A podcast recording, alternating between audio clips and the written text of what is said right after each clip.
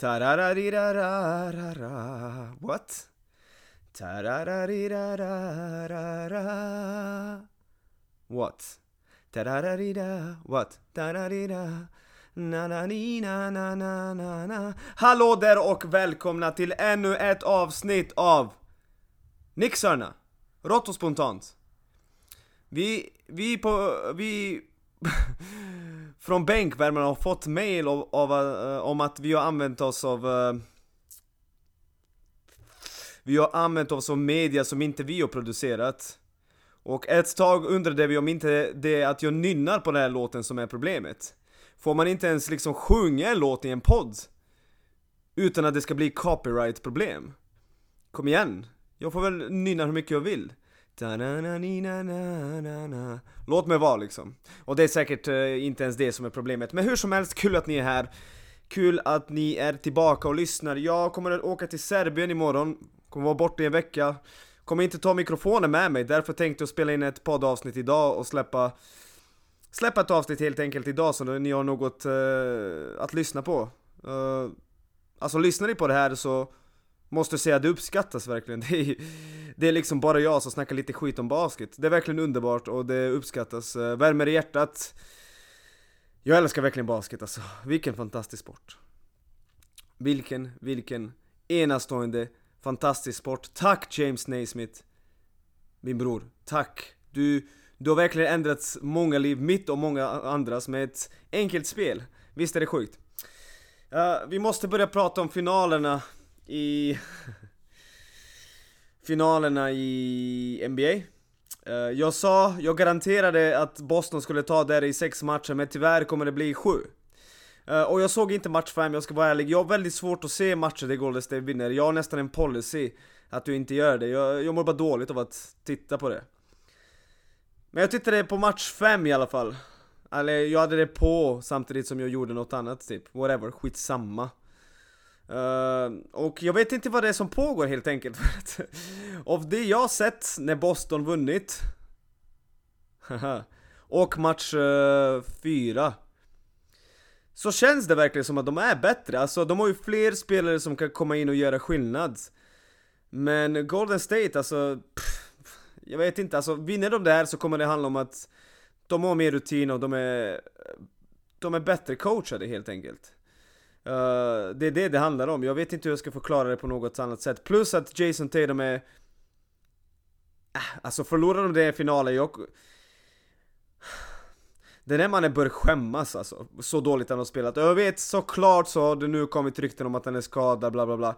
Bullshit kallar jag. Jag tror att den här stunden är lite för stor för honom, vilket inte är så konstigt, han är född 98. Han är ung. Men stunden var, var för stor, men jag har sagt det flera gånger och jag säger det igen, jag, jag, jag blir irriterad på hans Kobe-grej, åh oh, vad pinsamt! Att han refererar till Kobe hela sättet bara, som att han är värsta game winner och så kommer han till finalen och har flest turnovers någonsin, skjuter under 40% Vad pinsamt.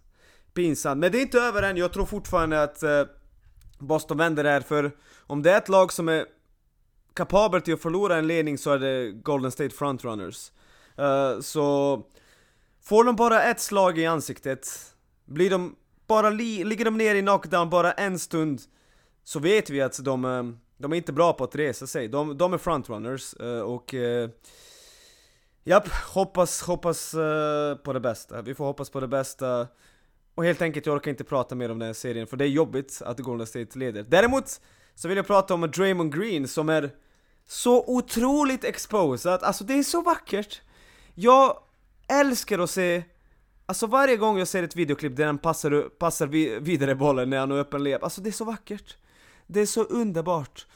Och, eh, eh, alltså på riktigt, jag, jag har tänkt på det här. Och sen gick vi in och kollade upp statsen. Visste ni att Draymond Green gör, han, han var All-star i år? Visste ni att han gör den sämsta finalserien någonsin från en All-star? På riktigt, jag driver inte, det här är ju så gott som fakta, jag kommer förklara det här för er. Så, Draymond Green skjuter 34% på golvet, han är ju liksom en big guy. Han skjuter 0% på treor. Okej? Okay? Han har skjutit 11 trepoängare, satt 0. Och han skjuter 34% från straffkastlinjen. Han skjuter... han skjuter 34% från straffkastlinjen. För, förstår du hur... Alltså, 34% från golvet, 0% från trepoängare, 34% från, golv, från uh, straffkast. Jag vänta, ser jag fel från straffkast här? Det, det, jag är lite osäker där. Nej, nej det är inte 34, förlåt. Men det är ju fortfarande, vad, vad skjuter den från straffkast? ja, 50-60% tror jag. Ja. Ah, ja, hur som helst. han snittar 5 poäng per match, han snittar 7 returer och 5,8 assist.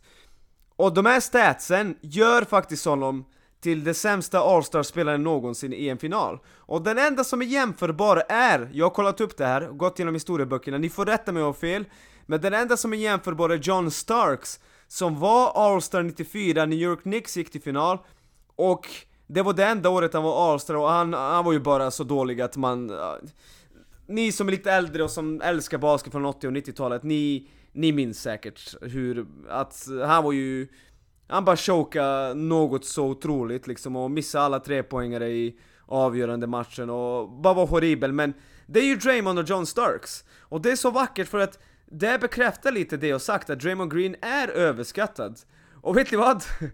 Jag har en polare som har sagt till mig nyligen att hade Draymond Green draftats till fel lag när, när han var yngre, då hade han inte ens spelat kvar i NBA idag. Och först tyckte jag att det lät dumt, men det är ju fan en ganska bra poäng. Alltså Draymond Green, han var ju liksom ganska... Uh, låt oss säga så här, han var ingen, han, han hade väldigt produktiv collegekarriär, men det var inte alls säkert att han skulle bli bra spelare i NBA. Och hans första säsong fick han inte spela så mycket. Jag tror att Mark Jackson var coach, och det var ju när Steve Kerr kom, och när de ändrade om sitt spelsätt och Steph Curry verkligen, och Clay Thompson gjorde damage, och verkligen öppnade upp för Draymond som playmaker som gjorde att han blev en All-Star senare, och han, han, är ju en väldigt bra spelare. Men hade han spelat i någon, något system med en coach som Phil Jackson exempelvis, okej okay, inte Phil Jackson, han var ju, han var ju han var New York Knicks som typ GM, han var inte coach. Men låt oss säga, vi tar en coach som tänker eh, Lionel Hollins. Oh! Tänk om Draymond Green hade spelat för Memphis Grizzlies när Lionel Hollins var coach. Han, han hade inte fått spela. På riktigt, han hade inte fått spela för Lionel Hollins var jävligt old school, han, alltså hans spelstil var jävligt old school, han skulle ha liksom två bigs som skulle posta upp och bla bla bla. Inte fan skulle Draymond fått uh, uh, bollen i händerna i det laget. Så Draymond har egentligen alltid haft tur att spela Golden State och han, han blev ju senare såklart en väldigt bra spelare. Men han har ju alltid varit extremt överskattad och liksom att ha, att snitta det han snittade i finalen som en All-star 5-7-5 med 34% från golvet och 0% från trepoängare. Det är ju pinsamt. Och inte nog med det, så är det mest pinsamt så är det ännu mer pinsamt att han passar upp de här öppna floatersen, att han inte vågar ta dem. Alltså fatta vad pinsamt! Han börjar ju skämmas! Spela inte in några poddar efter matcherna, Draymond Green. Du, det, det är ju patetiskt! Det är patetiskt att sitta och snacka, var tyst, ta det lugnt, se till att bidra med något och inte vara helt oanvändbar. Och så defensivt har de också blivit exposed, jag är ledsen. Eh, efter, jag vet att eh, nu var det två av mina fina Twittervänner som skrev ja ah, men det var inte 1,4 poäng som folk gjorde på honom, utan det var 1,24 och det var inte bara Jalen Brown, det är ju hela Boston, men det är ju för fan ännu värre. Det, det är inte en komplimang när, när, i, när i en mot en situationen om liksom White gör poäng på dig och liksom äh, folk turas om om att exposa dig defensivt. det, är inte, det är inte liksom något positivt, det är faktiskt ganska dåligt. Det är ännu värre än om det bara var Jalen Brown som scorade på honom. Och visst, det har blivit bättre i match 4 och 5, men det, det, är en spelare som folk tror är bästa försvarare någonsin. Det är väl klart att det kommer bli bättre. Plus, av det jag har sett i match 4, vi vet ju att Golden State har ju en bra coachstab med Kerr och även bra assisterande Kenny Atkinson, Dejan Milojevic, en fantastisk baskethjärna från Serbien. De, de har sett till att han inte hamnar i de här isolation situationerna och se till att han är i hjälpsituationen och om det är något Draymond gör väldigt bra så är det liksom vår hjälpförsvar, det vet vi. Men jag tycker det är roligt för att han har ju verkligen blivit exposad defensivt också, och så är det bara folk som langar länkar och bara ah, men titta här, ah, ah men titta, ah, ah, om du tittar här, eh, när Tatum skjuter från vänster hand, eh, från höger sida, äh, uh, uh. Lyssna, om du är ett argument, och så kommer du dit med argument och det låter så här, ah, oh, men kolla, då är det inget bra argument. Det bästa man kan göra i Draymond Greens fall om man är en supporter, Golden State supporter eller Draymond Green supporter, det är att bara sitta tyst och låtsas som att uh, Draymond Green inte existerar. För alla försöker försvara honom, det kommer inte funka, han har ju blivit exposed. Han är ju överskattad. Han är överskattad och han gör den sämsta finalserien någonsin från en All-Star. Och det är bara att acceptera det liksom. Det är samma sak som om jag inte hade sagt, som om jag hade hävdat att LeBron inte chokade i finalen 2011. Det gjorde han! Vad, vad, vad ska jag göra? Vad ska jag säga? Jag, jag kan inte liksom gå runt och, ja men titta där! Och, och när LeBron James spelar försvar på uh, Sean Marion i den serien och Deshaun Stevenson och Peja Stojakovic, ja men då kan man säga att han gjorde... Nej! Han chokade, okej? Okay? Han chokade, han spelade skitdåligt och ibland är det bara att acceptera det. Men jag måste bara säga att jag njuter av det här, för även om Golden State vinner så, så kommer jag alltid ha detta med mig, att Draymond är... Han har varit skräp i finalerna, och bevisat min tes att han är overrated. Bästa försvarare någonsin. Mm. Nej, inte riktigt. Inte riktigt. Uh, vi går vidare. Jag ska till Serbien som sagt, och jag kommer att titta på Röda Stjärnans match i, i finalen i serbiska ligan mot FNP. Och jag måste säga att jag är inte sugen på att göra det egentligen, men jag gör det bara för att det är det man ska göra när man är i Belgrad, man ska ju se på basket. Men jag har redan pratat om det här i något tidigare avsnitt och jag påpekar det ännu en gång. Uh, basket i Serbien används av politiker och kriminella och andra hemska människor för att driva sin, för att driva sin egen agenda och bli rika samtidigt som man förstör basketen Samtidigt som spelarna inte får betalt i tid, coacherna inte får betalt i tid, alltså det är så hemskt! Och jag vet att det är väldigt många basketmänniskor i Sverige som tycker att Peak-upplevelsen i deras liv är att åka till Belgrad och se de här matcherna med mycket publik, frenetisk publik, och det förstår jag. Men gräver du lite djupare så kommer du se att det är ju hemskt det som pågår i serbisk basket. Korruption, politiker, ni vet förut i Jugos gamla Jugoslavien i varje del av landet så hade du en klubb som var stabil. Nu är det bara Belgrad. Nu, alltså allt är centraliserat. De här mindre städerna dör ut basketmässigt. Och det kommer ju bita serbisk basket i arslet.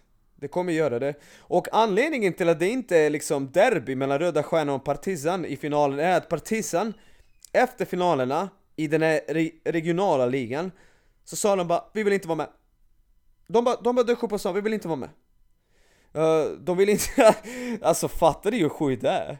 Tänk om liksom, jag vet inte uh, Plan, äh, Plannja, Luleå och Norrköping skulle spela någon regional liga Och sen komma överens om vissa regler Som alla måste följa och sen liksom i april dyka upp och säga, vet ni vad? Vi, vill bara, vi ska bara spela regionala ligan, vi ska inte spela inhemska ligan alls För att vi, vi känner för det och de här reglerna som vi tackade, eh, överenskommelserna som vi tackade ja till i somras, glömde. Vi, vi har ändrat oss, hejdå. Det, det är det som har hänt. Förstår ni hur sjukt det är? Och det kommer inte bli några bestraffningar, de kommer inte åka ner till andra ligan Utan de kommer fortsätta spela vidare liksom och...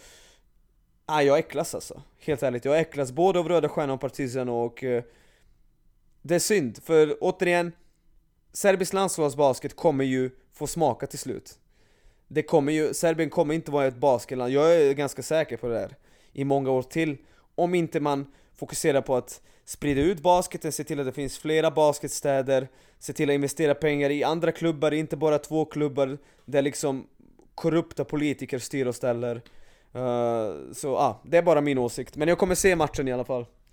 Uh, det, det är sånt man måste göra när man besöker Serbien, herregud.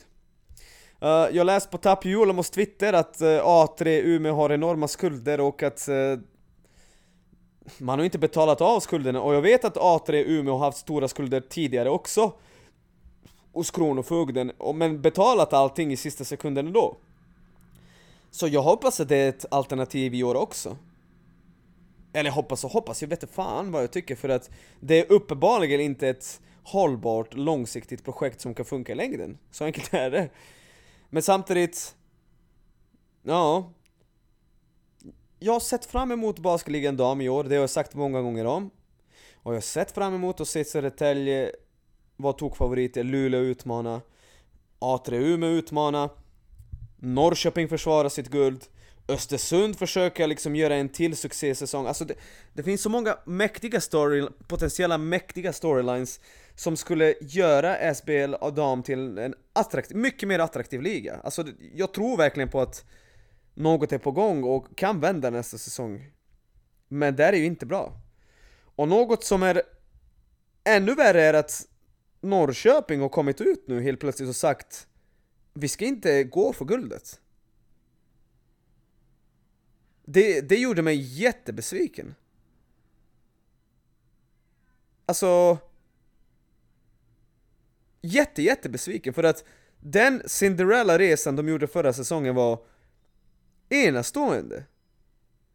Och efter finalmatchen så sa Taylor Murray att hon gärna kommer tillbaka. Och vi vet att Jalen Brown också ryktades vara på väg tillbaka. Men nu verkar det som att ingen av importerna kommer tillbaka. Och inte nog med det så ser coach Kevin Taylor Lundgren att nästa säsong så blir det satsning på inhemska spelare. Alltså kommer det bli två importer och så fem, sex stabila svenska spelare och några yngre talanger. Och jag kan översätta för er vad det betyder. Det betyder vi kommer inte tävla om guldet. Och det gör faktiskt ont i min själ måste jag säga. Jag vet att det måste finnas någon anledning till att man fattar det här beslutet, men det gör fortfarande ont i hjärtat. Och om jag läser mellan raderna de här citaten så låter det som att man säger Ja men Södertälje kommer vinna guld, guld oavsett, varför ska vi göra en stor satsning? Och sen liksom inte vinna ändå. Och det tycker jag känns så jävla tråkigt. Så jävla tråkigt, alltså Åh oh, vad jag hade velat se Norrköping igen med Brown och uh, Murray och eh, eh, uh, uh, Akenray Johnson Alltså hela gänget, jag vet att Kate Oliver sa att de skulle flytta hem men vilken resa de gjorde och att inte försvara guldet på ett sätt som gör dem till en trovärdig guldkandidat, det kommer påverka faktiskt hela SBL dam. Det i kombination med att A3 Umeå har skulder gör att man, man är inte lika taggad, man är såklart fortfarande jättetaggad, men inte på samma sätt liksom. Det är ju två klubbar som jag trodde skulle satsa som bara försvinner. Och då blir det tvålagsresa fram till guldet mellan Luleå och Södertälje. Och ni vet, förra året när vi tippade SBL dam hade alla fel. Det blev, inget trodde på Östersund, många trodde på Södertälje, bla bla bla. Men i år kan man nästan konkludera relativt tidigt att det blir Södertälje och Luleå som kommer att styra den här båten. Framförallt Södertälje. Jag vet att det finns folk... Nej, jag vet inte vad, jag ska inte, jag ska inte spoila något. Jag ska, det, det, det hade varit spoil, men jag säger inget. Uh, och sen, sist men inte minst, vill jag prata lite om coach Carter. För att jag blir djupt besviken när, när jag pratar basketfilmer. Och folk direkt tar upp coach Carter. För det är ju en högst medioker film. Jag har sagt det många gånger tidigare, och kommer se det igen. Ni har sett den här filmen hundra gånger om! Stökigt lag, och här kommer en coach, woho! De vinner sista matchen i sista sekunden, eller så förlorar de finalen i sista sekunden, men! De lärde sig något viktigt om livet, alltså snälla sluta! Det är så jävla trött koncept! Det stinker! Jag vill se något annat, det är därför jag gillar Higad He Got Game, vi har aldrig sett en film som He Got Game sen dess. Above the Rim, vi har aldrig sett en film som Above the Rim sen dess. Above the Rim är en skitbra film! Det finns ju ett gäng andra liksom. Space Jam! Ettan, inte tvåan. Space Jam är en bättre basketfilm än Coach Carter. Jag svär på allt. Den är ju mycket bättre. Liksom, bara tänk lite gott folk. Om ni jämför Remember, Remember the Titans, där är det också high school-lag, här kommer en coach, woho, nu vinner de matcher, sen vinner de hejdå. Alltså det är två exakt likadana filmer. De har ju till och med exakt samma snubbe! En minoritetssnubbe i Remember the Titans är det Petey eh? och i, i Coach Carter är det Timo Cruz, det där killen som är ganska talangfull men liksom ställer till många problem för att spelaren är envis och vill göra det på sitt sätt. Alltså, åh! Det är ju samma film! Det är ju samma film! Glory Road, alla de här filmerna med, med coach som kommer, alltså det är samma rulle! Det suger! Coach Carter är inte ens topp 10 basketfilm någonsin. Glory Road är inte topp 10 film någonsin. Ingen av de här filmerna med en coach är det. Det finns ju många, jag tror till och med det finns en med eh, Lawrence, vad heter han? Martin Lawrence, det finns en till och med med honom! Han kommer och så ska han, någon komedirulle, han ska komma och coacha kids som är typ 11 år gamla. Alltså snälla! Nej! Släpp det! Det är ingen bra film. Above the Rim måste ni titta på, det är, det är enligt mig den bästa filmen. Hu, uh, han, skådespelaren som är huvudkaraktär, kan lira basket på riktigt. Tupac, fantastisk skådespelare, alltså på riktigt, jag var chockad. Jag, ibland undrar jag om man ens om man ens försökte vara skådespelare eller om, om, om man bara var sig själv. Så bra var han i den rollen. Och sen finns den här scenen med Nutso, när Nutso dör, de spelar basket högst upp på en byggnad och så ska jag nudda plankan och så... Varför har basketplanen där uppe? Det, det är den skummaste scenen någonsin. Faktiskt, om det finns ett minus med Above the Rim så är det den scenen. Men annars är det en klocklen, klock, klock, klocklen, klockren rulle. Hur som helst allihopa, jag åker till Serbien imorgon, tack för att ni lyssnade. Glöm inte att Benke ljuger aldrig. Glöm inte Draymond Green är exposed och överskattad. Och glöm inte Coach Carter är en medioker film som ni har sett hundra gånger om. Ha det bra na na na na na na Just det, förlåt, förlåt. Förlåt, jag glömde prata om ett viktigt ämne. jag glömde prata om att uh, Chris Harpovic kommer att missa landskamperna. Och folk har redan skrivit till mig med åsikter, och så är det. Sedan 2000, uh, eh, först och främst, Chris Harpovic ska gå på två bröllop, tydligen. Och de här bröllopen bokades redan förra sommaren. Och han var väldigt tydlig med att han inte kommer vara med tidigt. Så jag vill se det. Jag vet att det är många som är kritiska. Sen får vi inte heller glömma att Chris Sharpovic, sedan 2016 har han alltid ställt upp. Alltid, oavsett hur skadorna var. Oavsett hur sjuk han var, för här kommer en grej som jag vet inte många visste. Chris Povic är typ den jämnaste spelaren Sverige haft, alltså han snittade typ 17 poäng per match Fram till det förra kvalet, 16, 15 eller 16 eller 17, jag vet inte, nu kommer någon av de här statskrigarna och säger ja men det är inte 16, det är faktiskt 15 Han har snittat sjukt bra siffror i landslaget sen 2016, sen han börjat spela i landslaget. Men förra kvalet var han helt osynlig. Han hade corona ett par veckor innan, det är det jag har fått höra i alla fall. Från människor som är väldigt nära honom. Han hade corona och han hade inte återhämtat sig till 100% när det var dags att spela de här kvalmatcherna mot Kroatien och att det är stor anledning till att han inte var sig själv, för vi vet att om det är en spelare som levererar i landslaget så är det Serapovic. Men hur som helst, han har alltid ställt upp, han har varit jämn, han har varit stabil, mer än stabil. Och jag tycker inte att man har rätt att kritisera honom, faktiskt. Och jag vet att många tänker så här, ja men det är ju viktiga VM-kvalmatcher som är helt avgörande, det förstår jag, men kan han missa två landskamper? Alltså, vi har haft spelare som inte har spelat sedan 2013 och vägrat.